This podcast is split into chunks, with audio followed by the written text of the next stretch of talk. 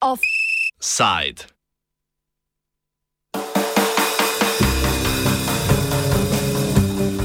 Intervencija za interventne zakone.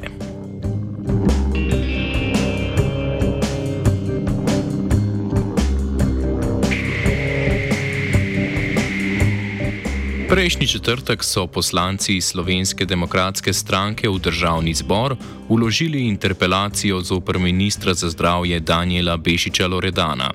V stranki menijo, da je minister odgovoren za poslabšane razmere v zdravstvu in da ga bremenijo neizpolnjene obljube o izboljšanju stanja. V največji koalicijski stranki Gibanje Svoboda pa v interpelaciji vidijo priložnost za razpravo o zdravstveni reformi, ki leži na plečih interventnega zakona o zdravstvu. Interventni zakon o zdravstvu, uradno zakon o nujnih ukrepih za zagotovitev stabilnosti zdravstvenega sistema, je državni zbor sprejel 14. julija lani. Sprejet je bil z namenom obvladovanja dolžine čakalnih vrst, ki so po pojasnilu vlade nastale zaradi obvladovanja pandemije novega koronavirusa. Na Zavodu za zdravstveno zavarovanje Slovenije, krajše ZZZS, pa so maja izvedli analizo interventnega zakona in ugotovili, da svojih ciljev vlada z njim ni dosegla. Čakalne dobe v zdravstvu so namreč dolge, od sprejetja zakona pred enim letom pa so se še podaljšale. V današnjem offsajdu si bomo podrobneje ogledali interventni zakon o zdravstvu v luči interpelacije ministra za zdravje.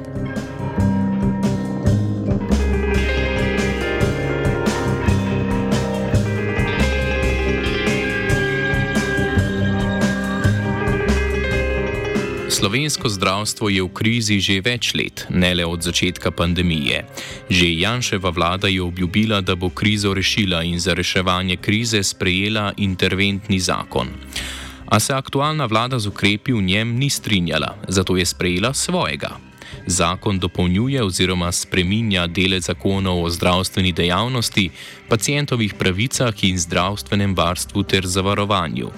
S temi dopolnitvami in spremembami se, do, se dodatno ureja ustanavljanje zdravstvenih zavodov in povečuje pooblastila njihovih uprav, predvsem na primarni ravni. Vlada je tudi odstopila do, od določenih določb v teh zakonih, s čimer predvsem osebnim zdravnikom daje možnost prerasporejanja pacijentov za zagotovitev krajših čakalnih dob.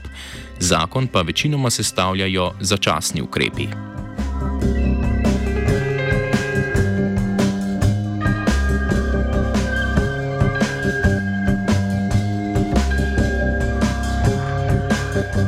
Namenom skrajšanja čakalnih dob je bilo zdravstvenim zavodom z zakonom omogočeno izvajanje dodatnih dejavnosti oziroma dejavnosti, ki presegajo osnovno financiranje zavoda. Sredstva za te posege vlada zavodu izplača po realizaciji, brez sklepanja dodatnih pogodb. V določbo o takem financiranju spadajo tudi koncesionarji, ki pa jim vlada postavlja dodaten pogoj. Za prejem financiranja ne smejo najeti osebja, ki je obenem zaposleno v javnem zavodu. Vlada je določila tudi, da morajo zavodi, ki do konca marca čakalnih dob niso zmanjšali do zadostne mere, kot je to definirano v zakonu, izvesti javni poziv za vključitev zasebnikov v svojo dejavnost. Na zadnje pa zakon določa še formule za izračun višin dodatkov za povečan obseg dela za zdravstveno osebje. V opoziciji ocenjujejo, da so za financiranje določb v zakonu od sprejetja porabili že dodatnih 137 milijonov evrov.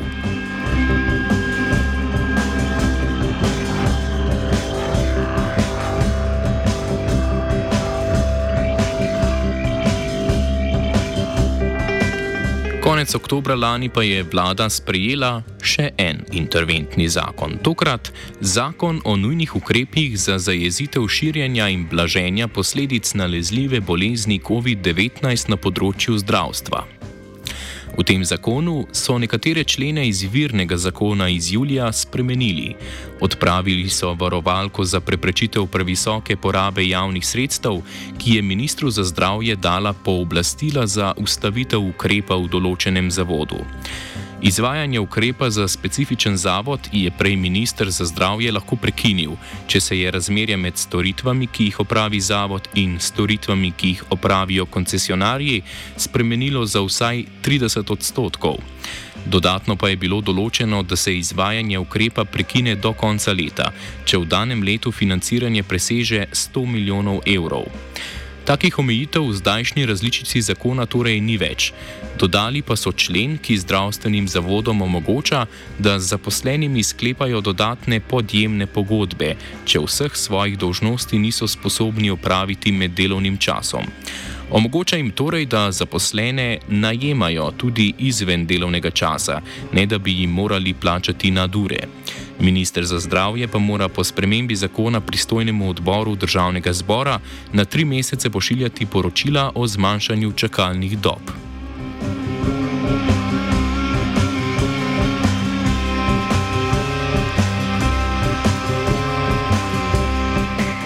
Dušan Keber, zdravnik in član civilne inicijative Glas ljudstva, komentira primernost ukrepov glede na obstoječe probleme v javnem zdravstvu.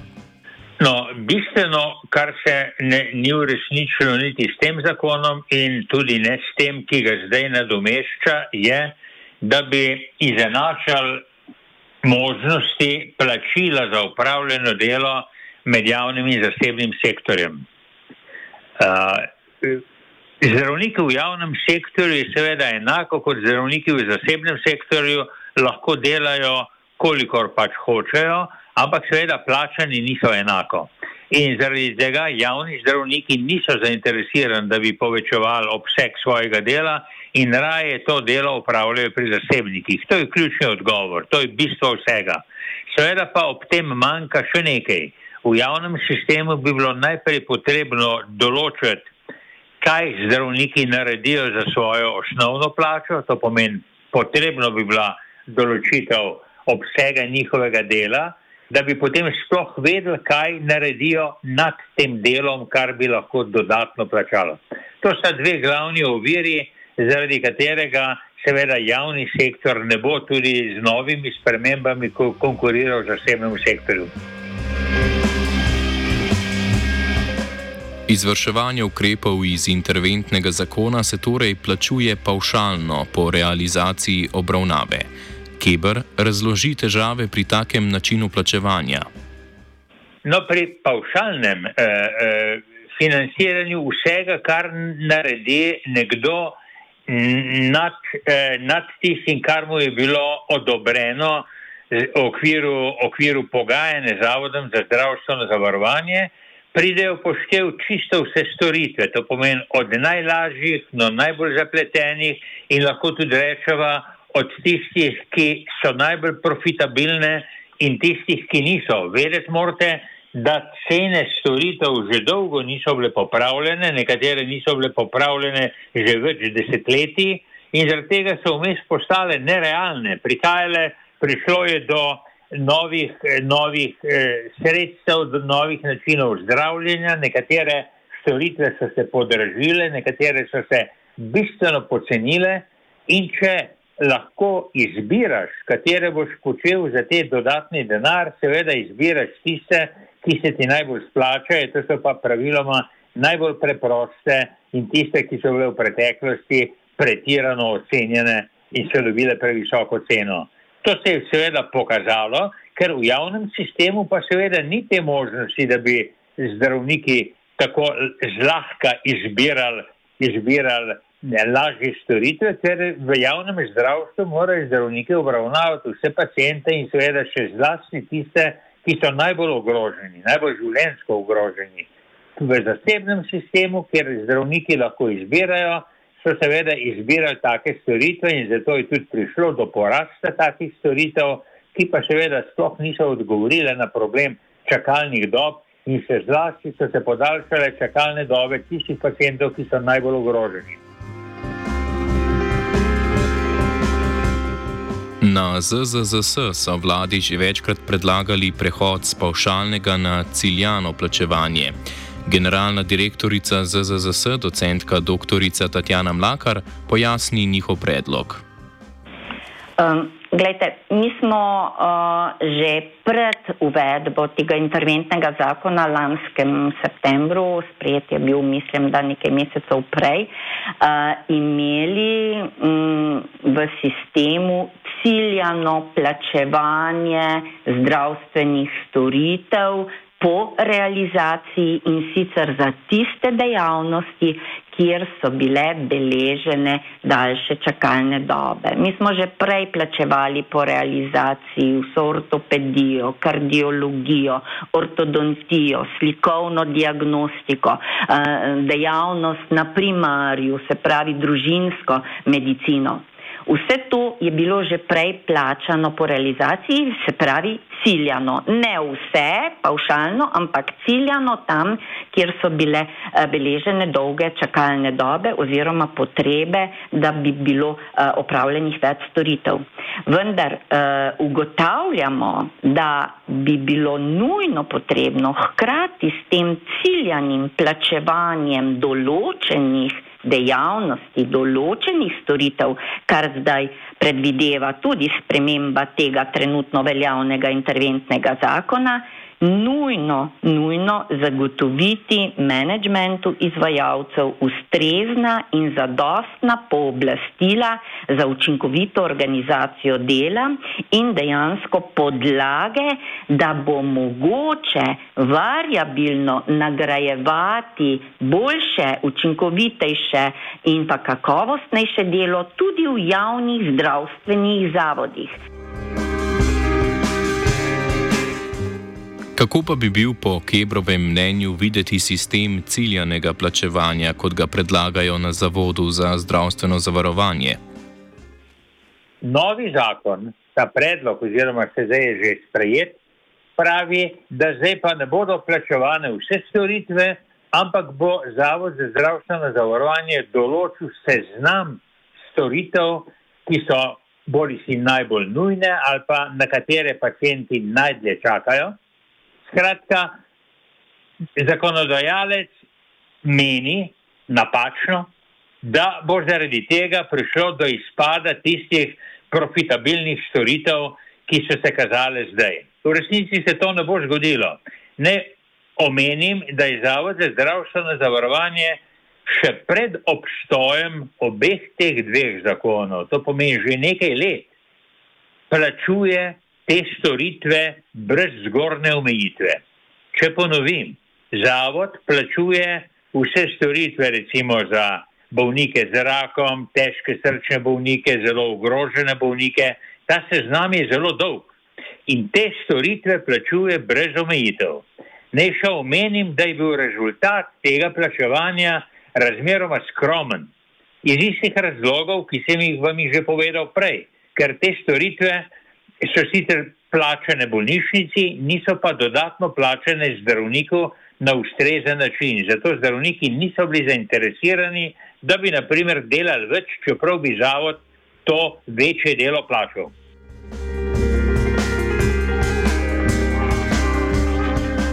Mlakar pa vdari, da reduciranje ukrepov in težav z njimi na financiranje ni na mestu, ter pove, kaj so na ZZZS predlagali na mesto tega.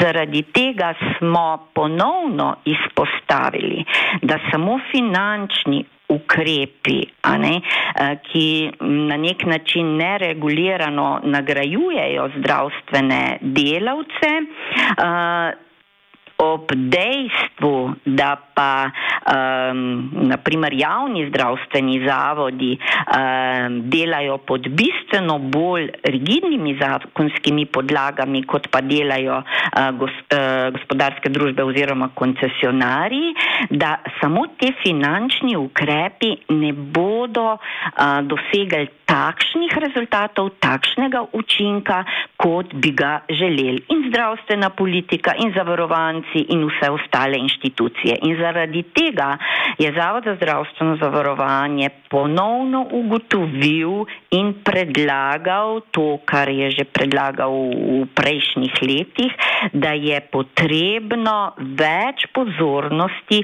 usmeriti k nefinančnim ukrepom oziroma nujno z njimi eh, dejansko ohraniti sedanji model javnega socialnega zdravstvenega varstva. In ti nefinančni ukrepi pa so usmerjeni predvsem v optimizacijo uh, procesov dela, postavljanje tudi internih normativov za delo v rednem delovnem času in seveda tudi variabilno nagrajevanje uh, večje storilnosti, večje učinkovitosti in večje kakovosti dela.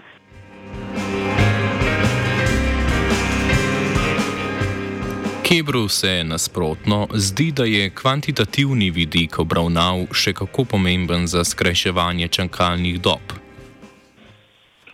No, torej v, vsakem, v vsakem primeru se zdaj finančni vidik, vidik povdarja kot neke vrste korenček, da bi zdravstveni sistem bil bolj produktiven.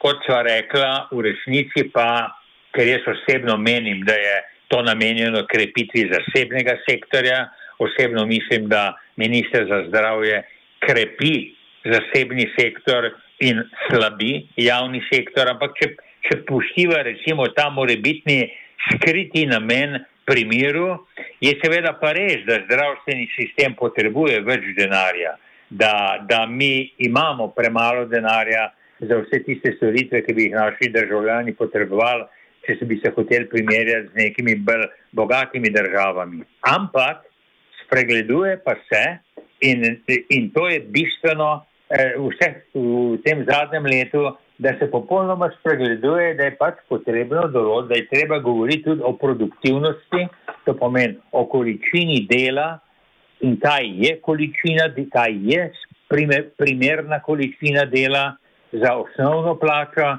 Skratka, ne govori se o produktivnosti in hkrati, ko ne vemo, kaj je osnovna produktivnost, hočemo z dodatnim denarjem plačevati višek dela, pri čemer sploh ne vemo, kolikšna je količina osnovnega dela. To je ta zgodba, ki, ki jo je treba nenehno poudarjati, dokler ne bojo postavljeni vsaj neki okvirni, pa magar recimo začasni normativi, kaj je prava količina dela zdravnika, koliko ne ima, naprimer, družinski zdravnik pacijentov. Največ veste, ker smo o tem veliko poročali, da imajo naši da imajo naši družinski zdravniki zelo verjetno najmanjš, najmanjše število pacijentov eh, eh, v Evropi. In dokler se ne dogovorimo o tem, kaj je torej prava količina dela, pri čemer seveda ne smemo pretiravati, potem seveda ne bojo nobeni dodatni ukrepi, tudi dodatni denar ne bojo spremenili tega, ker kar zdaj opažamo je, da se delo v dopoldanskem času, ali pa rečemo, recimo, delo v rednem času, v bistvu zmanjšuje oziroma ne spreminja, zato da bi se čim več dela preneslo v popoldanski čas, ampak seveda povedal sem zakaj, ki zasebnikom.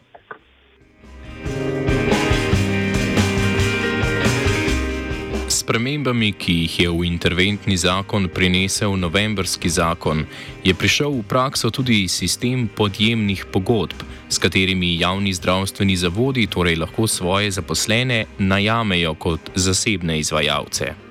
E, ta ukrep pa ima pomen, to imate prav. Uh, s tem ukrepom na nek način um, zakon izenačuje zasebne zdravnike in pa javne zdravnike, ampak ne čisto v celoti. V zasebnem sektorju nam, namreč obstaja še kar nekaj drugih možnosti, kako se, eh, kako se izvajalci lahko izogibajo in to legalno izogibajo plačilu davkov, kako imajo manjše stroške in tako naprej. V vsakem primeru so zdravniki v zasebnem sektorju še naprej lahko bolje nagrajevani, ker zasebni lastniki nimajo stroškov z izobraževanjem, z bolezninami, z dopusti in z vsem ostalim. Pri njih javni zdravniki res opravljajo tisto in so tudi plačani in drugih stroškov kot za, za njihovo delo zasebni lastnik nima. Zato jih lahko nagrajuje bolje in še zmeri bo bolj privlačen kot pa javni sistem.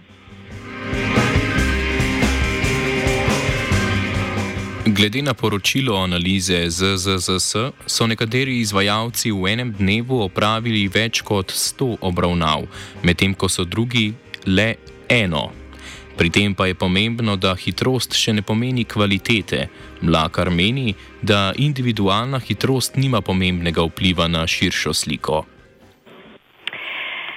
Ja, zdaj, uh, o razlikah uh, pri številu obravnav uh, mora, mislim, natančne ugotovitve uh, narediti vsak izvajalec sam, se pravi management pri nekem izvajalcu zdravstvenih storitev, kajti na uh, te razlike lahko vplivajo. Različna zahtevnost obravnave, različni deleži kadrovske prisotnosti konkretnega izvajalca pri obravnavi obravnavi in pa seveda tudi kakovost uh, obravnave. Tako da uh, Zavod za zdravstveno zavarovanje vedno izpostavlja, da je potrebno dati menedžmentu javnih zdravstvenih zavodov, predvsem njim, ki imajo bistveno uh, bolj rigidno zakonsko podlago, kot jo imajo koncesionari, orodje, da bodo lahko ustrezno organizirali opravili delo, kajti z obstoječimi kadri, opremo in pa prostorskimi kapacitetami je mogoče še izkoristiti neke rezerve v sistemu in narediti bolj učinkovito izvajanje zdravstvenih storitev, kar je, celo, kar je seveda naš cilj. Velike razlike pa se ne pojavljajo le med individualnimi izvajalci, temveč tudi med medicinskimi panogami. Mlakar razloži, da primerjava med panogami ni primerna.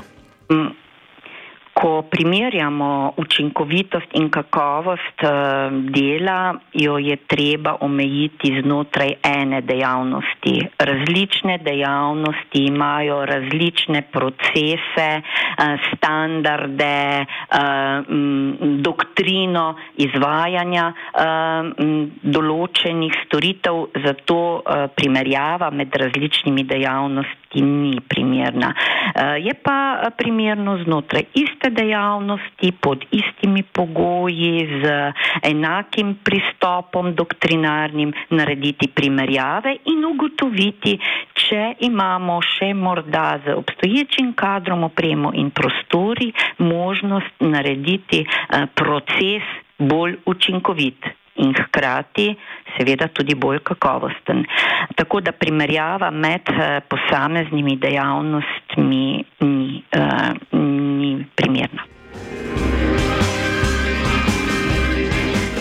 Kako na ZZZS opravljajo takšne analize, kot je aktualna in kakšen je njihov namen?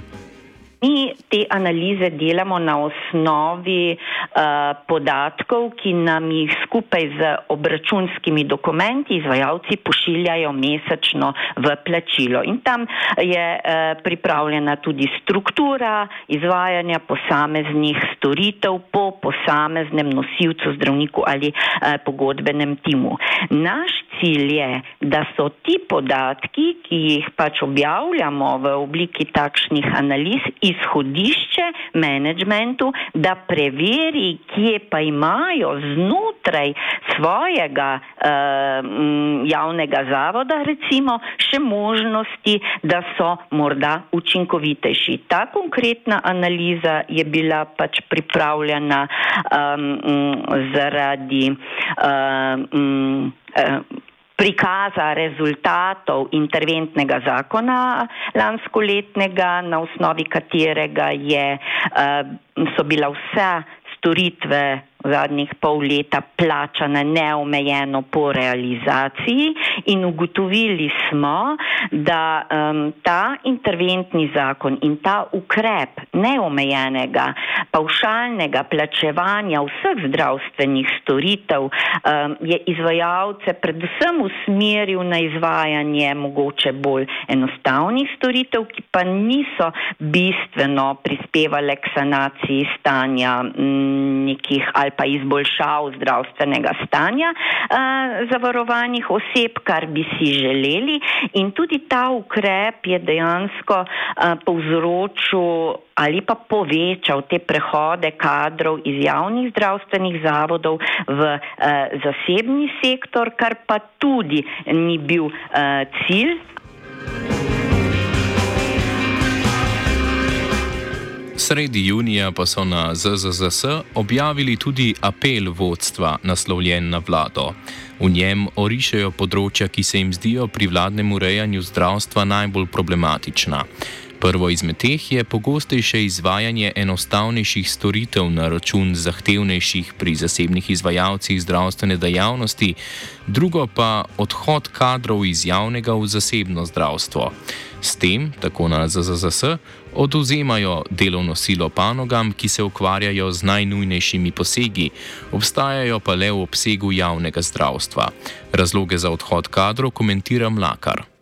Izključno točno 15. člen interventnega zakona ni eh, tisti eh, razlog za prehajanje eh, kadra iz javnih zdravstvenih zavodov v koncesijske ambulante.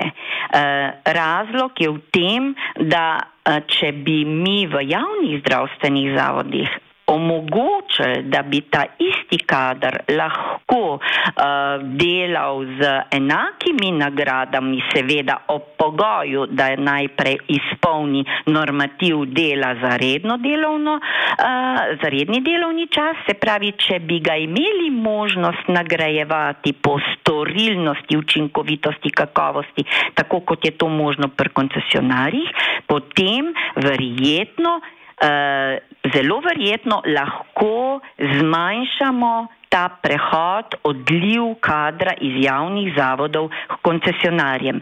To je tisto bistveno. Kar pa se tiče podjemnih pogodb, zdaj mm, dejstvo je, da um, management javnih zdravstvenih zavodov ne pozdravlja tak način dela, predvsem pa, če že govorimo o podjemnih pogodbah in če jih uh, dejansko zakonsko umestimo v sistem, potem je potrebno regulirati tudi ceno urne postavke, ne, da se potem dejansko management lažje pogaja za delo po podjemnih pogodbah, da ne prihaja do izsiljevanja z nenormalno visokimi urnimi postavkami in podobno. Se pravi, če imamo podjemne pogodbe, potem je treba regulirati tudi ceno urne postavke, kar pa uh, trenutno še ni.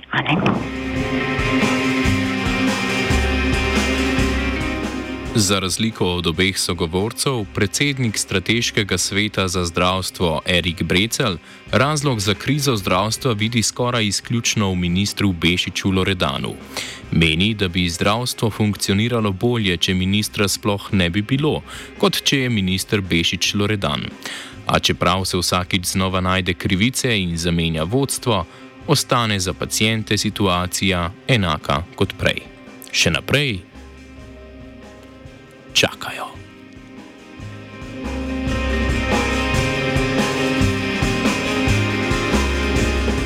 Offside je pripravil Luka.